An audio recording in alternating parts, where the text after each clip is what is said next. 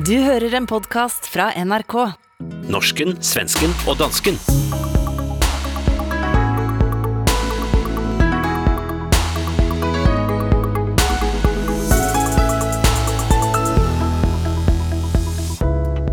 Svensk Filminstitutt dropper moralske politiske krav til film- og tv-branchen.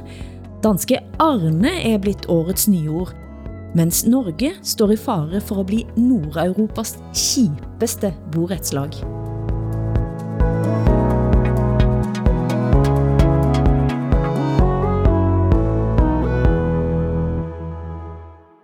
Velkommen til ukens panskandinaviske familieterapi, det aller første i år. Hvordan har vi egentlig haft det, Hassan Preisler i København? Hvad fik du til jul fra mor? Ja, det, og du, du spørger jo, fordi jeg fortalte i årets, øh, i 2021 sidste program, at jeg altid bliver skuffet over den gave, min mor giver mig, uanset hvilken gave det er. Øhm, og, og i år blev jeg ikke skuffet, øh, fordi jeg fik ikke nogen gave. Jamen, det er perfekt. Så min øh, juleaften var fuldstændig fantastisk. Øh, på den måde, ja. at der ikke var nogen komplicerede følelser i spil.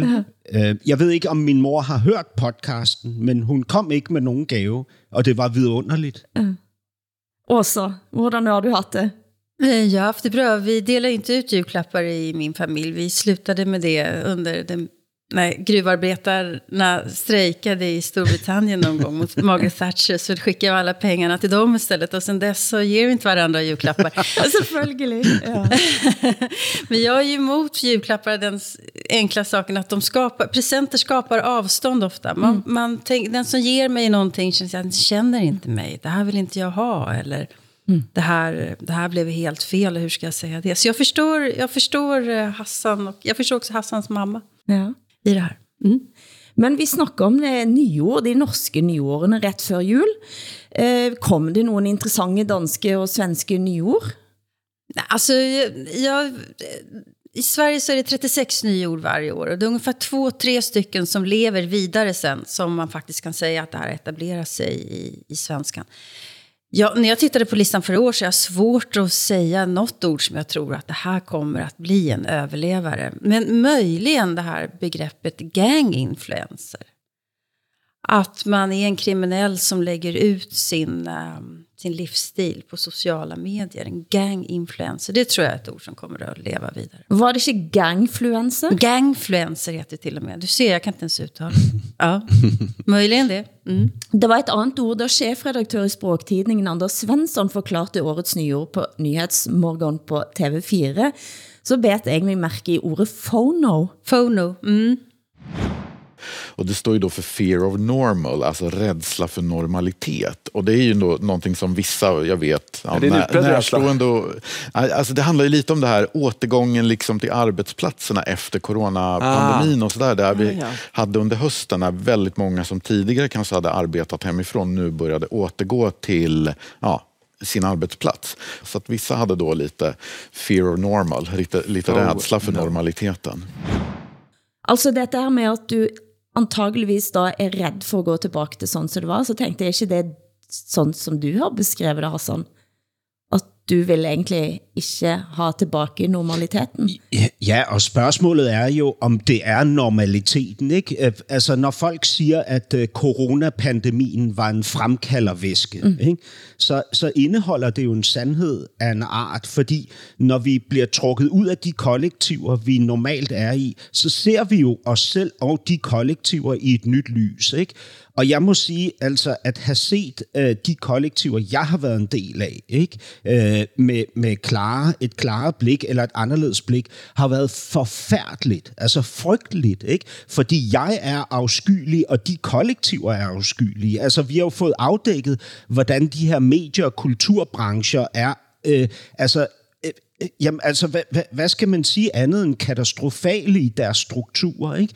Og det, jeg tror, at det centrale, det er, at de her brancher tiltrækker mennesker, som er ude i et kompensationsgame af de helt store. Ikke?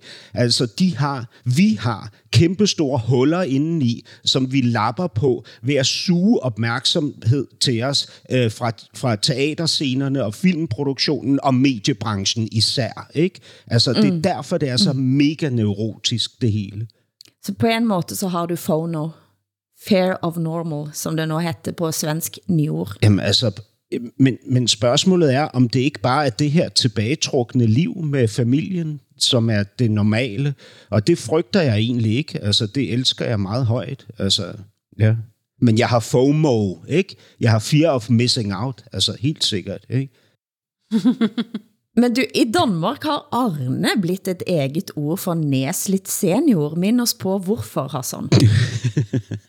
ja, altså, vi har jo nye ord inden for tre kategorier øh, i Danmark. Det er naturligvis corona, så er det identitetspolitik, og så er det sjovt nok arbejdsmarkedspolitik. Men det burde man måske snarere kalde socialdemokratisme, ikke? Fordi det er jo der, alle de her nye ord kommer øh, ind i billedet. Og Arne handler jo netop om denne her person, Arne, som blev billedet på øh, Arne-pensionen, som Mette Frederiksen jo stod i spidsen for at introducere. Øh, så det er, det er simpelthen blevet et nyord. Øh, øh, vi optager 10 nyord i Danmark øh, om året, ikke 36, som øh, OSAs nation gør. Jag blev, jag blev lite funderad. Jag tänkte för, för en gångs skull anlägga ett lite feministiskt perspektiv här. Alltså det är lite typiskt att just Danmark, när de ska sätta namn på en nedsliten senior, så är det en, en man, en äldre man. Det är inte en, en äldre kvinna. Det är de som har lägst pension, är utslitna kvinnor som har arbetat ett helt liv kanske med att ta hand om andra människor. Mm. Det är de som har absolut sämst pension. Så att jag tycker att Arne borde väl heta Mm, ja, vad, het, vad heter gamla tanter på... Mette kan, kan det heta. Ja, det heter ju alla där. Men, uh, Jamen, hun, kan, hun kan jo ikke kalde den pensionsordning, hun introducerer, kan jo ikke kalde Mette. För Mette, nej det går inte. Men, men Yrsa-pension, for eksempel. Yrsa? Ja. Yrsa-pension, ja. Ja, ja. Absolut. Det, det, mm. Jeg tænkte faktisk ikke på Mette Fredriksen, når jeg sa Mette nu. Jeg tænkte at alle danske damer hette Mette. Ja, hur många som helst. Känner, alltså Hassan, känner du någon danska som inte heter Mette? Nej, det er rigtigt. Nu, nu når I siger det, alle danskere hedder Mette. Men du har været innom det allerede, men det var et specielt år. Eh, du skrev i vår chattråd, Hassan, endnu et sindssygt år i DK. Og hvad tænkte du på da, specifikt? Jamen altså, jeg, jeg, jeg tænkte jo selvfølgelig på, øh, på det politiske liv, altså det offentlige Danmark med alle de her sager, altså øh, retssagen mod øh, Morten Messerschmidt, hvor han bliver dømt for dokumentfalsk og, og bedrag, ikke? og så bliver øh, så nu skal sagen gå om, fordi det viser sig, at, øh, at dommeren var øh, øh, alt for aktiv på Facebook på den måde, at han har liket og kommenteret på opslag, som var meget kritiske over for Morten Messerschmidt. Ikke? Øhm, så var der jo selvfølgelig øh, rigsretssagen mod Inger Støjberg, hvor hun blev idømt 60 dages ubetinget fængsel. Mink-kommissionen, som stadig kører lige nu. Nu er det politiet, der bliver afhørt i disse dage ikke? i forhold til deres rolle i aflivningen af samtlige danske mink. Øhm, Ja, ja altså så MeToo, øh, som jo rullede hen over Danmark, ikke? Som, som en vanvids, nej, som en fantastisk tsunami. øhm, øh, og, øh, og, og, og, hvad, hvad, altså, og, og, og ind igennem alt det her, så trænger sig et spørgsmål, øh, som står ubesvaret hen, og det er, hvad lavede Mette Frederiksen, da hun tog til Israel under lockdown? Vi ved det. Ingen ved det. Vi ved ikke, hvad hun... Förklara, vad är, det, vad är det Mette Fredriksson har sagt angående Israel under Jamen, hun, corona-lockdown? Vi i Sverige har ingen aning. Hun rejste og gav Hun rejste til mm. Israel. Hon reste till Israel? Ja, ja, men... men är det inte för att ni har någon slags vaccinsamarbete med Israel? Är det inte så att Danmark har det? Nej, ikke, no, ikke noget officielt uh, vaccinesamarbejde. Nej, jeg troede det faktisk. Det var jo mm-hmm. Danmark, Østrig og Israel, som mødtes under den her hardcore lockdown mødtes i, i Israel øh, ud, ud af det blå. Ikke? Det er meget spændende. Okay. I Sverige havde der kvindelig statsminister i syv timer, før hun gik av, og så gik på igen. Mm.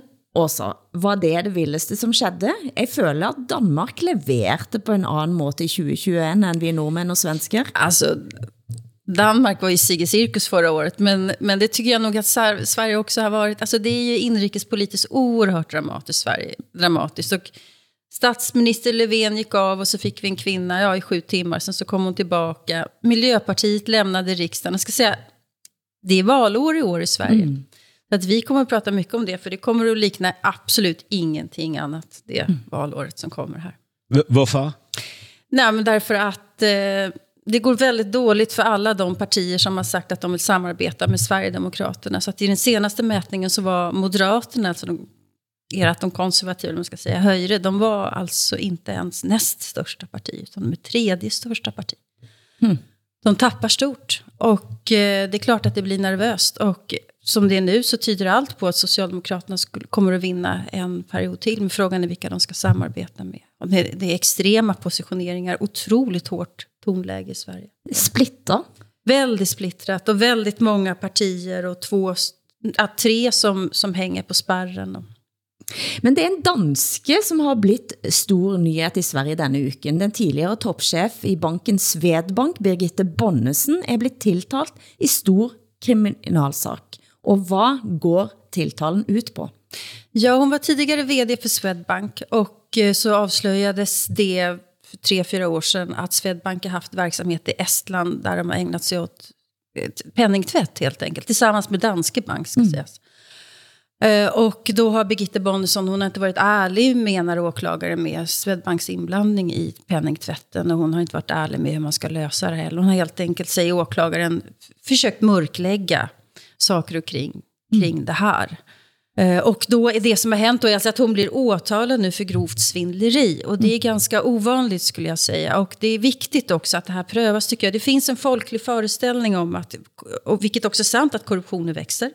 Men det finns också en föreställning, folklig föreställning sedan årtusenden tillbaka att big shots klarar sig alltid. Medan vanligt folk aldrig kan göra någonting utan att åka dit. Och här har vi nu ett exempel på att en så kallad big shot ändå kommer att ställas inför rätta. Och det är klart att det är viktigt. Og penningtvæt eh, er det samme som hvitvasking på dansk Just og norsk. Eh, Just det. Men den store snakkesen er imidlertid et intervju hun gjorde på SVT i 2018. Hvorfor? Därför att hon sitter i, i kameran och vi, som tv-tittare ser man, man förstår efterhand att hon faktiskt ljuger rätt in i, i kameran. Kan det finnas sån här penningtvätt i Swedbank också som man kanske kommer upptäcka framöver? Vi har kollat alla de kunder som har kommit ut från Danska och också från Nordea. Det finns inga av dem som har varit eller är kunder i Swedbank. Men har inte ni också utländska kunder som flyttar pengar från till exempel Ryssland, så som det var i, i Danske Bank och Nordea? Men inte kunder som inte har en verksamhet i landet. Altså, jeg ved ikke, jeg synes jo på en eller anden måde, at, øh, at de her sager modbeviser Åsas pointe, fordi ja, altså, det, der er jo lige i Danmark, der har vi faktisk fået dømt to parlamentarikere, og der er en kommission, der er ved at grænske en, en statsminister. Ikke? Det vil sige, at... Ja, det er utroligt, som ni har... Ja.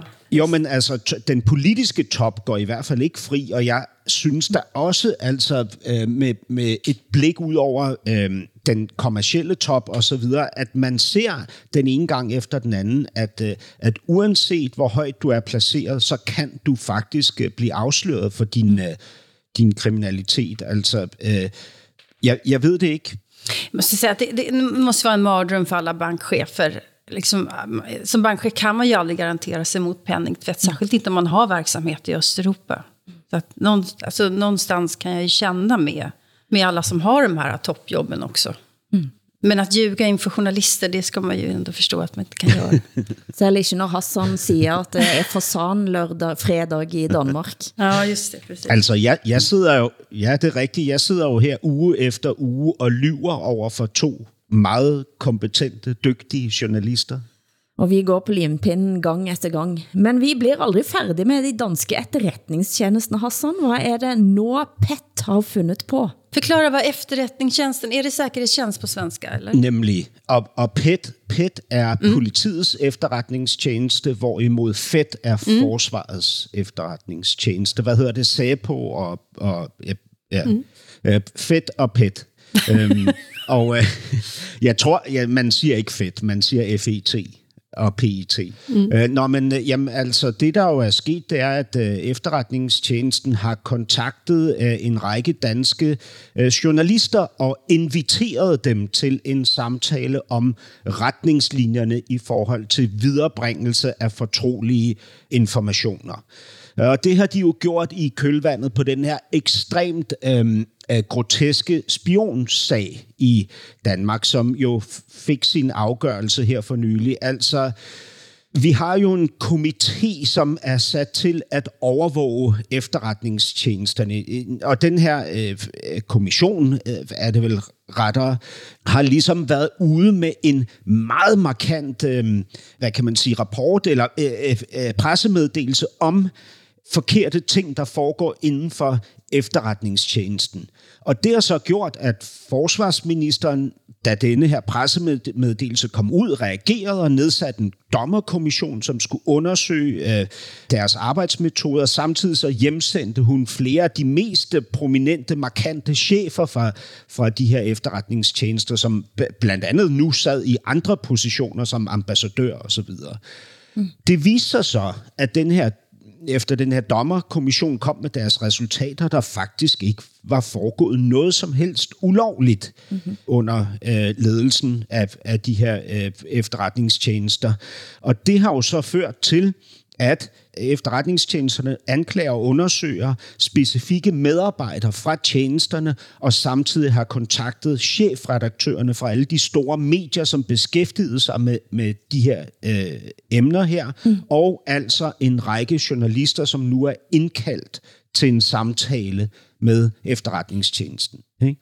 For politiet vil nu afhøre journalister fra flere medier om denne lækagen. Ja, det er, det er det, politiet vil. Øh, altså, det er jo ikke en afhøring, det er jo en invitation til en samtale. Ikke? Øh, jeg, jeg, altså, så det er ikke en formel afhøring. Det bliver man nødt til at holde fast i. Jeg forstår jo, øh, at det må være ekstremt kompliceret som journalist at få et opkald fra øh, PET, ikke? eller politiet bare, at blive inviteret til en afhøring. Det, det kan ikke andet end føles som en trussel, naturligvis. Det forstår jeg. Øh, men det er ikke en afhøring. Jag måste, alltså det här det är ju som en amerikansk politisk thriller. Alltså det avslöjas någonting inom säkerhetstjänsten och medierna eh, är på det där och skriver om det och sen så kommer säkerhetstjänsten och vill veta vilka källor som mm. medierna har. Och, eh, så det är otroligt, eh, alltså det är, det är ju som att lyssna till ett filmmanus det här. Och jag skulle säga att allt som vi har pratat om under de här åren i den här podden så är det här något av det som upprör mig allra, allra mest.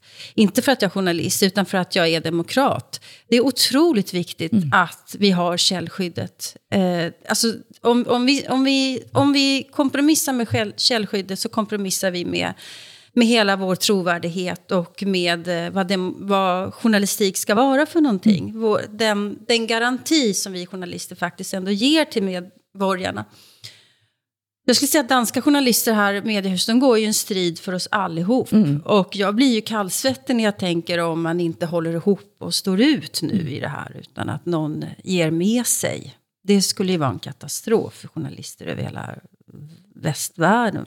Jeg, jeg, jeg tror, altså, jeg, jeg tror det, det altså, før jeg kom ind i mediebranchen, der forstod jeg ikke, hvor centralt øh, netop øh, det her begreb kildebeskyttelse er for journalisters arbejde. Altså, det er jo nok det mest centrale øh, princip overhovedet. Ja. Ikke?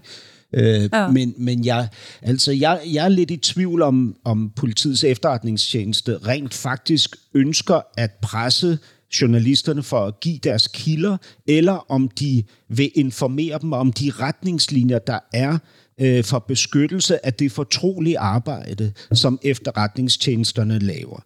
Det, det er jeg lidt i tvivl om. Det kan jeg, jeg kan ikke, jeg kan, altså det kan jeg ikke øh, vurdere. Øhm, og og, øh, og ja, altså når man ser på sådan en sag her, som vi har været igennem øh, i det seneste år i forhold til efterretningstjenesternes arbejde, og, og hele den her offentliggørelse af, af samarbejdet med NSA og sådan noget, så har det jo været katastrofalt for de danske efterretningstjenester, hvis man et øjeblik sympatiserer med dem. Ikke?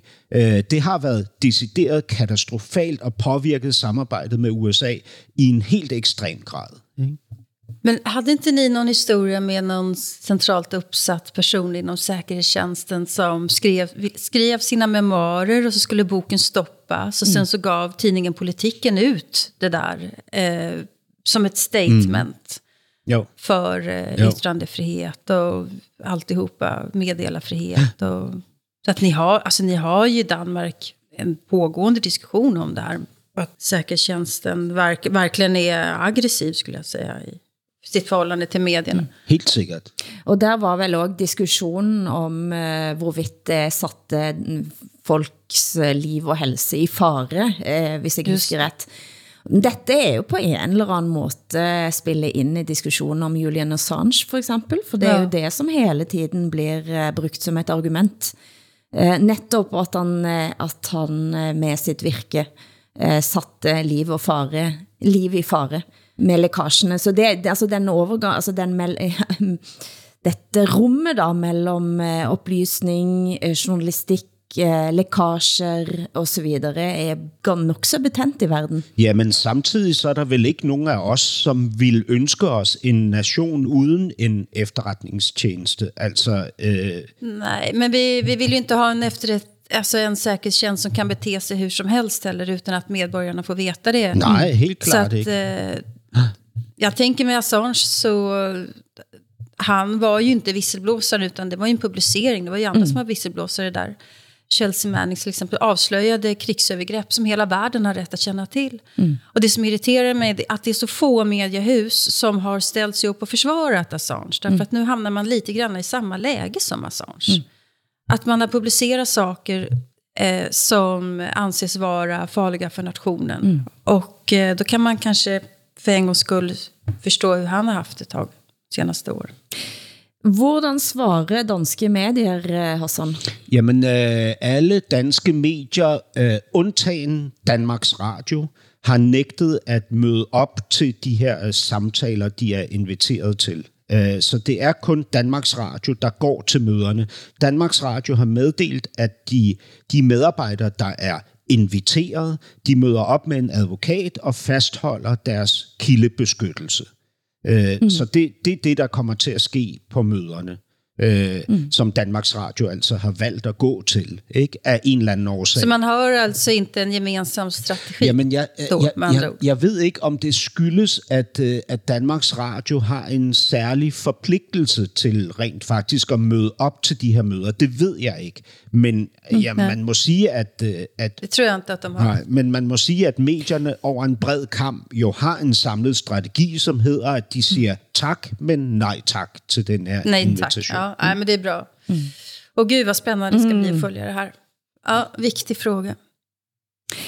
Dette snakker vi om før jul. Det er blitt en stor og betent debatt nå. I Norge er vi da det eneste land i Europa med national skjenkestopp, altså at regeringen har bestemt at det ikke skal serveres alkohol på restauranter og utsteder noe sted i landet. Nederland og Slovakia har stängt Men helt ned. stopp. Vad sa, eh, vad sa du? Nej, jag ska gå på teatercafén på måndag kväll. Och det finns ingen alkohol. Nej. Skämtar du eller? Du må drikke Klaus Thaler. Nej men gud, Norge. Mm, Tack. Du förstörde det hela min resa till Oslo. Det er frygtelig, men Åh, herregud. mens Nederland og Slovakia har stængt helt ned, er, og, men av landene som se- serveringssteder være åbne, så er det altså kun Norge som forbyr totalt servering av alkohol, skriver VG. Men, men Hilde, Dere har Det, Ja. det er godt, at du, Nej, men jeg er det er godt, at du forklarer ordet så mange gange, at du siger, at det handler om alkohol. Fordi når du siger øh, skinkestop, så, så tror vi, det er skinkestop, altså stop for skinke, øh, altså noget, det kunne være noget, øh, altså noget islamisk mås- måske, ikke? Altså, øh, så, så n- når du siger skinkestop, ikke? så er det med æ, og det betyder, øh, at man ikke serverer alkohol. Utskänkningsstopp på svenska kanske. Ja, vi, vi har slet ikke et ord for det i Danmark, øh, skink, skænkestop. Selvfølgelig har der ikke det. Nej, ni serverar alltid alkohol. Det kommer ikke til at ske. Altså, det er... Altså, jeg kjenner jo nå, at dette begynder at irritere mig skikkelig. Eh, bare i jul nå, så har flere av de stedene, som gir den byen jeg bor i, godt liv. Altså skabt av folk, som virkelig står på for at gøre det fint på oss, for oss at bo her, har blitt nå slått konkurs. De havde akkurat karret sig op i knæstående efter forrige nedstenging, og så kom altså skænkestoppen op igen ut av det blå. Og når helseminister Ingvild Kjerkol på, står på debatten for NRK, så klarer hun ikke engang at svare på sig for en måte, som jeg forstår i alle fall. Restauranteier i Halden, Håkon Selmer Olsen, satte veldig fint ord på det, da han møtte helseministeren på debatten på NRK. Han sa, at han følte, han var blitt med i Nordeuropas kjipeste borettslag, andelsforening. Det føles litt som at vi har meldt oss inn i eh, Nord-Europas kjipeste borettslag, der vi må være med på all dugnad hele tida. Ja, Ingvild Kjerkol, helse- og omsorgsminister. Det er altså du som har bestemt at de skal gå inn i det nye året på denne måten. Hva er det faglige grunnlaget for det? Eh, Det blir vurdert eh, både rettslig og faglig før vi iverksetter denne type tiltak. Og dette her var på et tidspunkt hvor vi hadde verdens største kjente utbrudd av omikron på den nevnte restauranten. Og der var ikke bare veldig mange smitta, men de var også fullvaksinerte. Så det var et føre-var-tiltak? Nei, det var, det var et eh, tiltak basert på den situasjonen og de prognosene Basert på et, et julebord? Nei. Det er basert på en helhetlig vurdering i tråd med det som loven sier. Men det eneste vi kjente til, var et julebord. Hvordan tror dere det hadde blitt tatt op mot i eh, Sverige eller Danmark? Att Hvis man pludselig stopper, altså for det man siger er, at du kan godt ha restauranten din åben, men du får Ja. ikke servere vin. Nej, men alltså det här är så jävla dumt va? Jag fattar inte, om jag, om jag ska gå då på min favoritkrog i världen, Teatercafé. Om jag får beställa in kamskäll och blåskäll och fan allt som finns på den här menyn. Men jag får inte dricka ett glas vin till. Va- På vilket sätt förhindras smittan av corona för att jag inte dricker ett glas vin? Jag förstår inte det faktiskt. Altså, øh, øh, Vad är, logik, vad är logiken i detta? ja, og hvad er logikken i at gå på restaurant? Uh, altså, det... det jamen, altså... jo, men, men altså, så, så, Alltså, det, det är det livet går ut på, Hassan. Gå på jo, jo, men uden du? alkohol. Jeg, jeg mener, altså, maden er jo kun en slags tilbehør til den alkohol, man drikker, når man er på øh, restaurant. Og så, så skal, det, det svarer jo til at gå på restaurant og sidde og spise brød. Øh, kun brød. Netop. Alltså det... Nej men gud, ska jag ställa in min Oslo-resa nu kanske? Ja. Bliv hjemme. Enten det, eller så må nogen av lytterne lage et fantastisk måltid og invitere dig hjem, for det er jo det, er jo det som sker også. At man møtes Jo, fast mina vänner är ju coronarädda i Norge så att jag vet inte vad jag ska göra. Det var synd det blev av mig plötsligt. Du skal komme til mig. Gud, vad jag tycker synd om mig. Men altså, det, det er jo faktisk ganske provocerende, fordi helsemyndighetene siger, at de kan ikke sige nogen ting om eh, det er forskel, for eksempel hvis du stenger alkoholservering klokken 10, som dere gør i Sverige i alle fall. Nej, i Danmark gør der det. Danmark. I Danmark, ja. Er det det også Sverige? I Sverige så serverar vi bara vid sittande bord nu. Ja. Man, får, man får dricka vin till maten om man vill det. Alt dette hænger jo, altså alt dette er jo helt logisk, men her går man altså til det skridt og siger arb yrkesforbud for en hel branche, og det er en branche som virkelig sliter, og som har prøvet at være kreative nå i to år, og som har netop klart at rejse sig lidt grann, og så kommer altså regeringen uden nogen forklaring og stenge alt. så dåligt det är så dåligt. Jag vill bara gråta när jag tänker på Norge nu, men herregud. Uh, og så har vi da en statsminister, Jonas Gahr Støre, i nytårstalen, så snakker han om tillit. Det som altså ofte blir kaldt det nordiske guld, og han siger, i mange land har mennesker tatt til gaten i store protesttog og vendt sig mot hverandre. I mange land blåser folk i regler, fordi de ikke stoler på myndighetene eller på hverandre. Slik er ikke vi. Det er anderledes i Norge. Citat slut. Ja. Jeg tror den tilliten, som Jonas Gahr Støre der snakker om, er nok så tyndslitt etter hvert. Ja. Hvordan Den ser... ras, rasar ju ner några hack för mig i alla fall, kan jag säga. Hassan? N- Jamen altså, jeg, jeg vil jo bare øh, lave en, en reference til nytårs... Nu nævnte du nytårstale, ikke? Øh, Mette Frederiksen, vores statsminister, har jo også holdt sin nytårstale. Og prøv at høre, der skete noget meget bemærkelsesværdigt, fordi Mette Frederiksen sagde i sin nytårstale, at hun ikke ville tale om corona. Hun talte kun om andre politiske emner i en meget politisk tale, øh, faktisk. Ikke? Og så tænker jeg, at Mette Frederiksen gør jo ikke noget uden at have en strategi. Øh, og siden hendes strategi ikke er at tale om corona længere, så ved hun måske noget, som vi andre ikke ved. Måske ved hun, at det rent faktisk med omikron er slut med corona lige om lidt. Mm-hmm. Fordi hendes strategi er jo at gå tilbage til de traditionelle politiske mærkesager, ikke klima, øh, arbejdsmarkedspolitik osv. i sin nytårstale. Øh, så, men men må, jeg- må jeg bare lige nævne, fordi vores dronning holder jo også øh, hvert år sin nytårstale. Og der, og der sagde hun denne her ene sætning, som jeg har øh, holdt fast i, øh, fordi den er så smuk. Hun siger, at være menneske er i høj grad at stå ved sig selv, at lære sig selv at kende. Det er der udvikling i nok til et helt liv.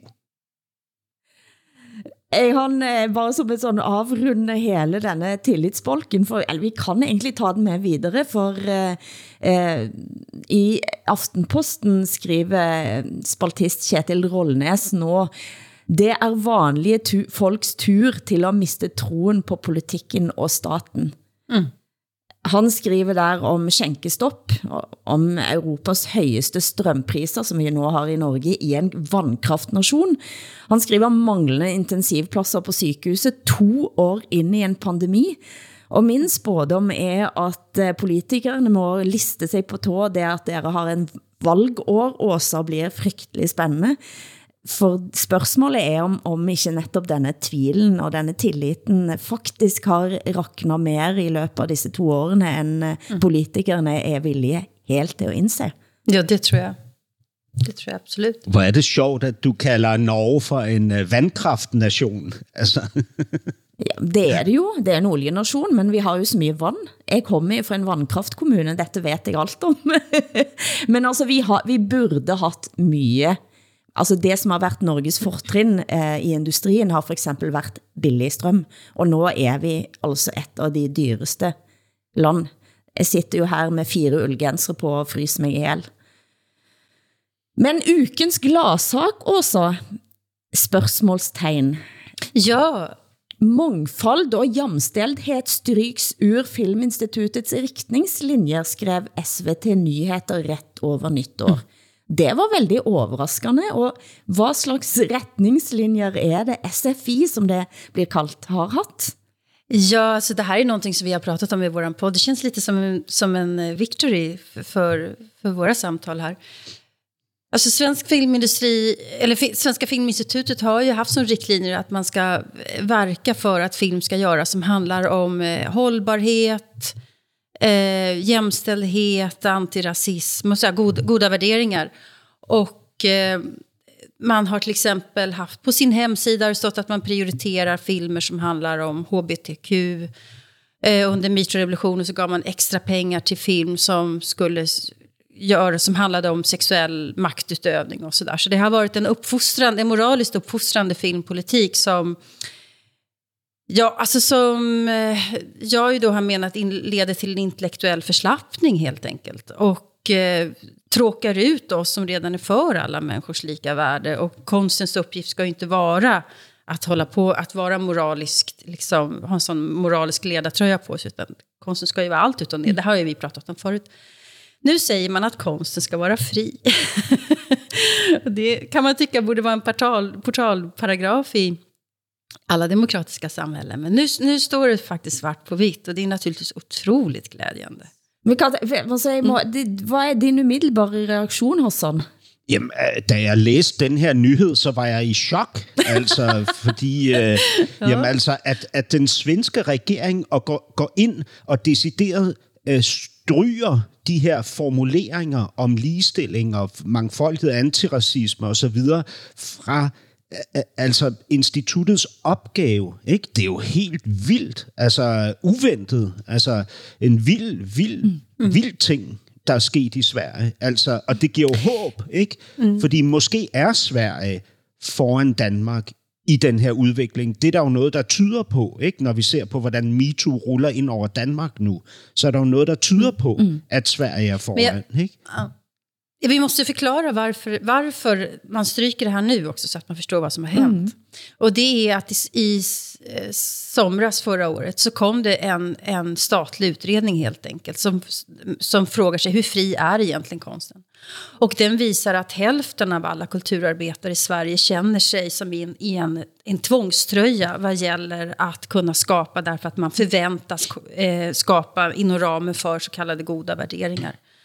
Och det är en otrolig siffra. Och, och det har ju då lett till självcensur och kanske att man har överdrivit också kraven i sitt eget huvud. Mm. Men hur som helst så, så har, har ju självcensuren varit ganska manifest.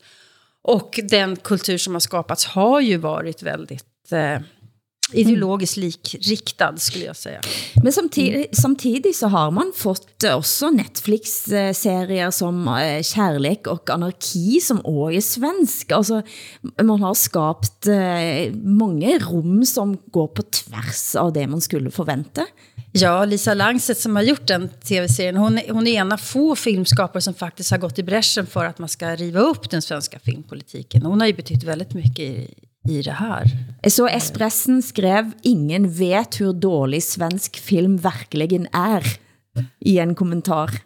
Ja, nej, det, det, det ligger någonting i det. Jag var ju såg en film nu häromdagen, nyfilmatiseringen av Utvandrarna. Det var det med norsk regissør, det kan jeg bare si. Erik Poppe. Ja, det ska vi säga. Eh, norsk regissör, Erik Poppe, men det är på svenska riktlinjer som den här filmen. Så för, för norska danskar som inte vet och säger Utvandrarna är Vilhelm Obers stora... Det är ett nationalepos i Sverige. Den handlar, eh, 1850-tal. Två fattiga lantarbetare lämnar Småland för att bygga sig ett nytt liv i USA. Och den som är drivande i detta är mannen i familjen, det är Karl Oskar. Och så får han med sig sin hustru Kristina. Den här filmen tillägnas den här, nu har man gjort en ny, ny filmatisering alltså. Det är en fantastisk roman och det är en fantastisk romanserie. Det är en fantastisk film också ska vi säga. Liv Ullman spelade Kristina på 70-talet. Nu har man gjort om det här och då tillägnas filmen alla mödrar som vågar. Trots att det alltså är Karl Oskar, mannen, som är den som är drivande i det här modiga projektet. Det är en film om kvinnlig vänskap. Eh, och i eftertexten så rullar det bilder på migranter förr och nu. Avslutas med afghanska flyktingpojkar. Och det här är alltså, skulle jag säga, här har man yxat ner då Vilhelm Mobergs väldigt komplexa historia i en, i en rätt mall. Og kritikken har været så som så. Jeg har sett at Erik Poppe han eh, forsvarer sig med at han må kunne læse Wilhelm Moberg med nytt blick. Ja, självklart. Ja, det... det måste man ju kunna göra, men ganska, ganska förutsägbart att det blir den här blicken som man läser om Wilhelm Moberg. Altså, det, det Danske Filminstitut har jo i nogle år lænet sig op imod øh, den svenske filmpolitik, som den har været. Ikke? Øh, og lige nu, der udspiller der sig faktisk øh, et, et stort drama på den danske filmskole. Ligesom der gjorde på Kunstakademiet, er der en, øh, nu her øh, også på filmskolen en, øh, hvad kan man sige, en aktivistisk yngre årgang, som ikke kun går op imod ledelsen og lærerne på filmskolen, men også den mm. ældre årgang Så der er faktisk i medierne, i offentligheden, en konflikt mellem filmskoleeleverne på den yngre og den ældre årgang, hvor den yngre årgang anklager den ældre årgang for at være øh, mm. øh, uerkendt racistisk, øh, reaktionær øh, og så videre. Ikke? Øh, og, og den yngre årgang, eller i hvert fald repræsentanter for den yngre årgang, forlanger i medierne, at der skal komme en forandring på filmskolen. Ikke?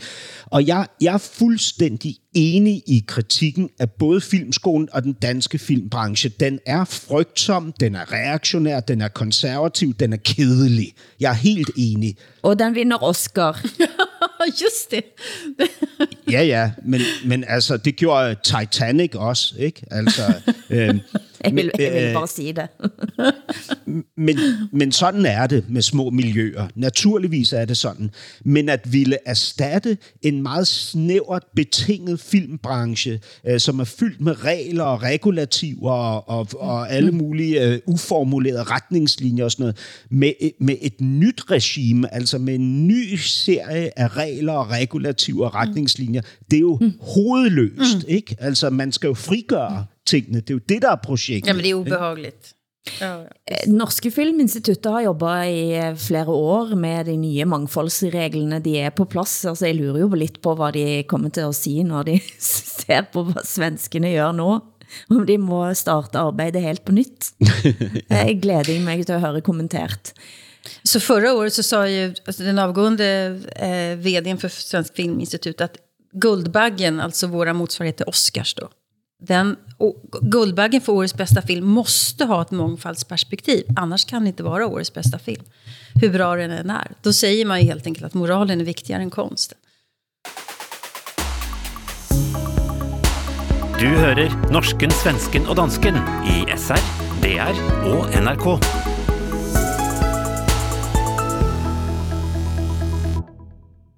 Det kan jo tyde på, at vi begynder at komme ind i et andet farvand, både når det gælder identitetspolitik, cancel culture, deplatforming, som det heter på nydansk, scenenekt på norsk, Eh, kommentator i Aftenposten, Frank Ossarvik, han skrev eh, nylig, det er ikke længere så ind at skreve, at nogen må holde kæft. Mm. Han mente også et tegn til, at kraven om scenenekt, av folk man ikke er enig i, altså deplatforming, er i færd med at avta. Hvad, hvad tror dere?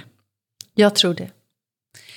Jag tror det är det enkla skälet att det är väldigt många unga människor som också inser att de kan bli deplattformerade. Även unga människor är väldigt rädda för att säga fel. Så att eh, det, de kommer, det kommer vara en... Eh, det som var ett ungdomsuppror kommer att mötas av ett annat ungdomsuppror, tror jag. Kanskje var det symptomatisk, eh, men husker dere at vi snakket om Shinigami Eyes, som er kanskje den mest radikale form for eh, scenenekt, det er platforming. Det er rett og slett en, eh, en, eh, en, en extension, som det heter, eller en utvidelse på dataprogram, som gør at du kan rødmærke alle, som skrev noget fejl om trans i sociale medier eller hvor som helst, sådan at hvis jeg googler mitt navn, så kunne det komme op rødt, hvis nogen mente da, at jeg eh, var på fejl, eh, fejl vidde, for at sige det sådan. Og nu har altså det norske datatilsynet lagt ned forbud mot Shinigami Eyes. Norske datatilsynet har sagt, at det er ikke lov.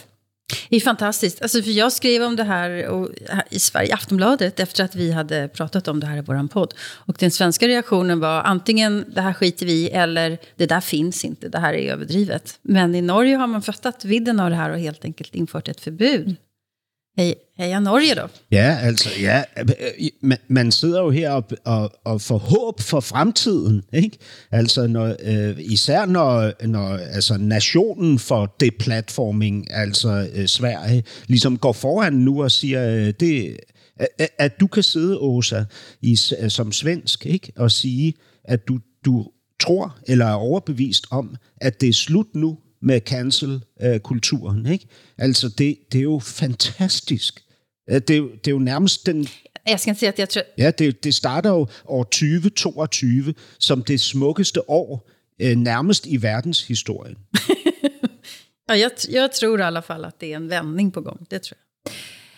Jeg håber jo at uh, alt dette fører, den gode siden med den diskussionen har jo ført med sig, at der er et større mangfold, og det må jeg jo sige, at det synes jeg jo bare er en fin ting. Altså det, at der er ja, de... flere stemmer uh, ifra eh, mange ulike kanaler uh, som melder sig ind i samtalen. Gud, ja. Jeg har jo ikke lyst til at ha en samtale som er for snever, uh, og derfor folk som ligner hverandre sitter og siger akkurat de samme tingene.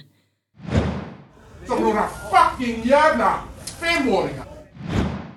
En anden sak, deplattforming på en anden måte, en sak vi ikke rakk at få med oss før jul, et klipp der en lærer i Malmø skriker fucking jævla femåringer til en 9. klasse, har skabt kontrovers i skolesverige. Efter at klippet blev spredt på sociale medier, så valgte læreren at sige op stillingen sin. Men hvem forstår vi bedst her? Eleverne som filmer, læreren som klikker, eller forældren som la klippe ut på sociale medier? ja. A, B eller C? A, B eller C? B. Var det att man har förståelse för läraren här? Helt klart. Helt det klart B. Ja, absolut. Ja. Naturligvis. Alltså tänk om lärarna, alltså elever filmar lärare hela tiden, men tänk om lärarna skulle börja filma eleverna och skicka de filmbitarna till elevernas föräldrar. Alltså det är en sån enväga kommunikation det här. Det är, det är ganska svårt att vara lärare tror jag i nionde klass. Dette var det en 9. klasse som havde bytt lærere inne, inne i dette specifikke emne flere ganger i løbet av en kort periode. Eh, det var flere elever i klassen som risikerte ikke at få karakter i det emnet. Skriver altså... Få betyg, altså. Inte bli godkända. Mm. Uh, men jeg må indrømme at noget, da jeg blev irriteret, eh, det er når denne moren da, som la ut klippet på Facebook, sa altså til SVT, ja, de er vel lite støriga. Det kastar sudd og snakkas på lektionerna som vilka 15-åringer som helst, sa denne moren. Mm. Og da kjente jeg min indre mor eh, bli, blev også opgivet for det. Altså, det, det er muligt, og, og nu, er, er, nu er ikke hun her til at forsvare sig, så jeg skal være lidt forsigtig, hvad jeg siger. Men, men når man forventer, at 15-åringer skal opføre sig helt elendig ind i et klasserum, mm. så siger det også noget om, hvilken rolle man har som forælder. Og nu snakker jeg generelt og ikke til denne specifikke moren. For man skal ikke, mene jeg da, tænke at det er vanligt, at 15-åringer bare sitter og opfører sig helt ustyrligt. Men den här frågan är, är, är större än så här. Alltså i, I Sverige så är, har det blivit vanligt att föräldrar, nu pratar vi om medelklassföräldrar, kontaktar lärarna och kräver att deras barn ska få ett högre betyg. Mm. Eh, och de ligger på lärarna, tjatar, tjatar, tjatar på ett otroligt oförskämt sätt. Eh, och litar helt enkelt inte på att lärarna gör en korrekt bedömning. Jag undrar, föräldrar som beter sig på det här viset, borde man inte döma dem till någon slags samhällstjänst där det skulle ingå att de ska vikariera som lärare i, låt säga en månad då, mm. i en sån här klass?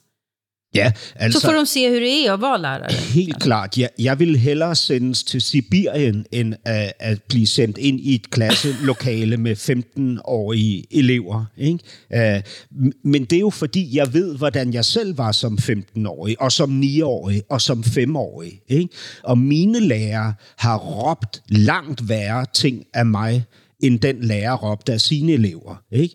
Og godt for det, fordi hvis de ikke havde gjort det, så havde jeg øh, indtaget klassen på en endnu mere brutal vis, end jeg allerede gjorde. Mm. Ikke? Mm. Så jeg har stor anerkendelse og respekt øh, tilbage øh, til overs for de lærere, som stillede sig op over for mig og sagde, nu holder du kraft med din kæft, din møgeunge. Eh, altså, jeg havde en lærer, som blev så sint en gang, at han tog en av de, som burde være ropt til, og blev ropt til også, og hængte han op på en klæsknagg en gang, og jeg tænkte, det forstår jeg. Altså den store okay. frustrationen, okay, og det er selvfølgelig, så har man den andre siden. Ja, ja, stopp. Men hvad har den andre? Stop, stop. Nej, men jeg var, ikke, jeg var ikke færdig med mitt resonemang. Fordi at man vet også, at der er lærere, som har misbrugt sin magt, og har brugt vold det er en grænse, og det var en hårfin grænse. Men at man kan kende på den enorme frustrationen. Jeg, var, jeg har selv været faktisk lærervikar for en klasse med 15-åringer, da jeg var 22. Og det jeg husker er jo netop den, her, den oplevelsen av at møte 15-åringer eller 10-åringer som som har et blik på dig, som ser tværs igennem dig, og som virker til at på en måte ha en urtids arrogance, eh, som gør det ganske vanskeligt. Jo, absolut. Og men- det at kunne snakke ind i, en, et, snakke ind i, i, i, i et sånt klasserum, var frygtelig hårdt. Nej, men det är ju jättes... Jeg har fått stor respekt for det. Ja, ja, jo, men det är jättesvårt att vara lärare och, eh, och, svårare idag än förut eftersom eh, alla barn eller elever är kunder och man kan, de här kunderna kan flyttas till andra skolor och sådär. Men eh, jag har varit med om barnmisshandel faktiskt, när lärare har använt våld Mm. som de helt omotiverat, på, på det mest förskräckliga sätt faktiskt, när jag var, gick i skolan. Mm. Så, Altså, ja, Ehm, det kan vara ganska svårt att vara elev också och vara elev Mm. med problem, med problem lite här och där. Helt klart, ja. Men, men altså, vi er jo nødt til at præcisere på vegne af denne her podcast, norsken, svensken og dansken, at vi støtter ikke, at man hænger elever op på knæer.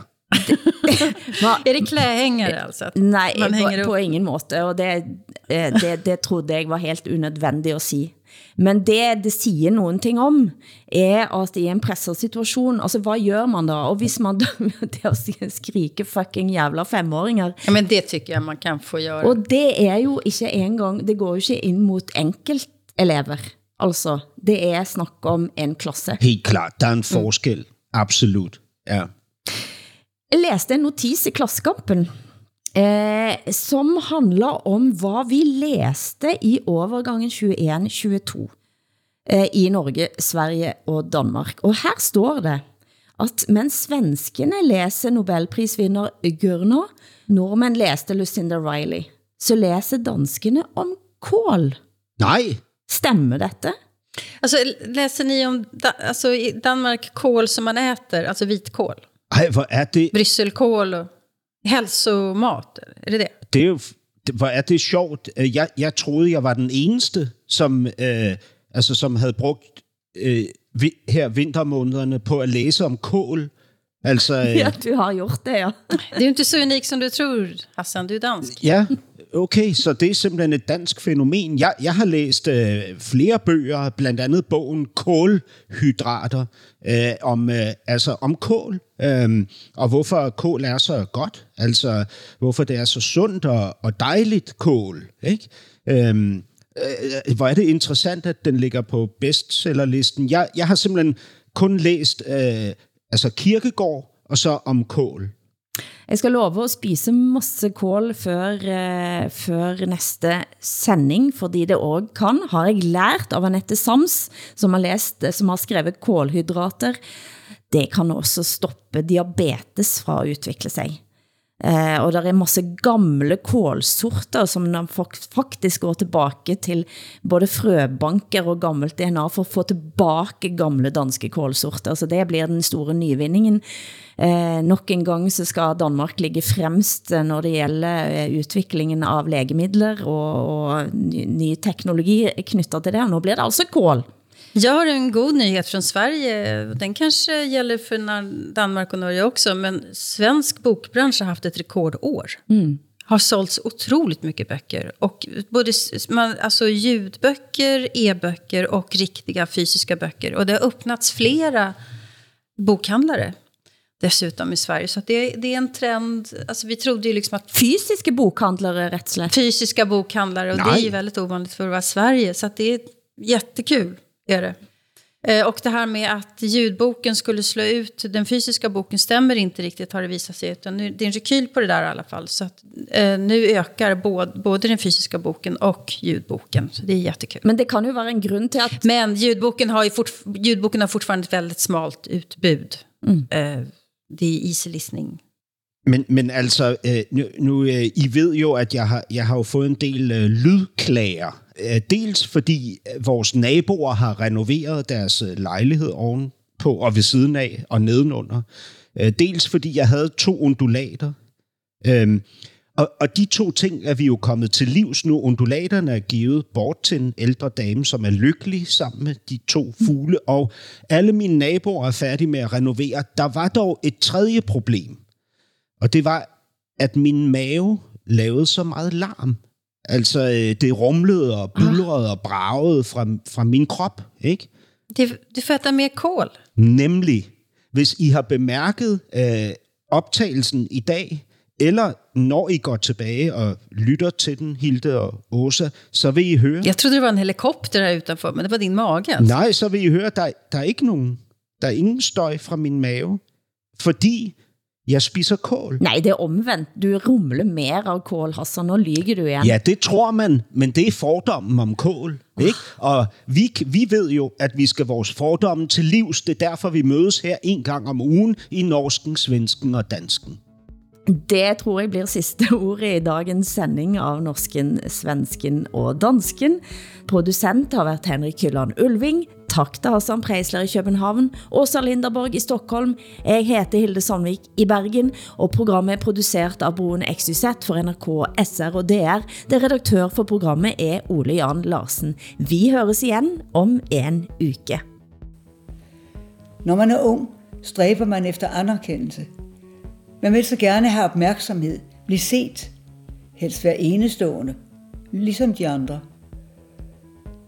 Men at være menneske er i høj grad at stå ved sig selv, at lære sig selv at kende.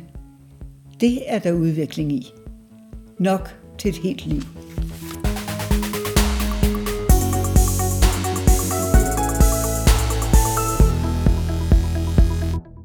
Du har hørt en podcast fra NRK. De nyeste episodene hører du først i appen NRK Radio.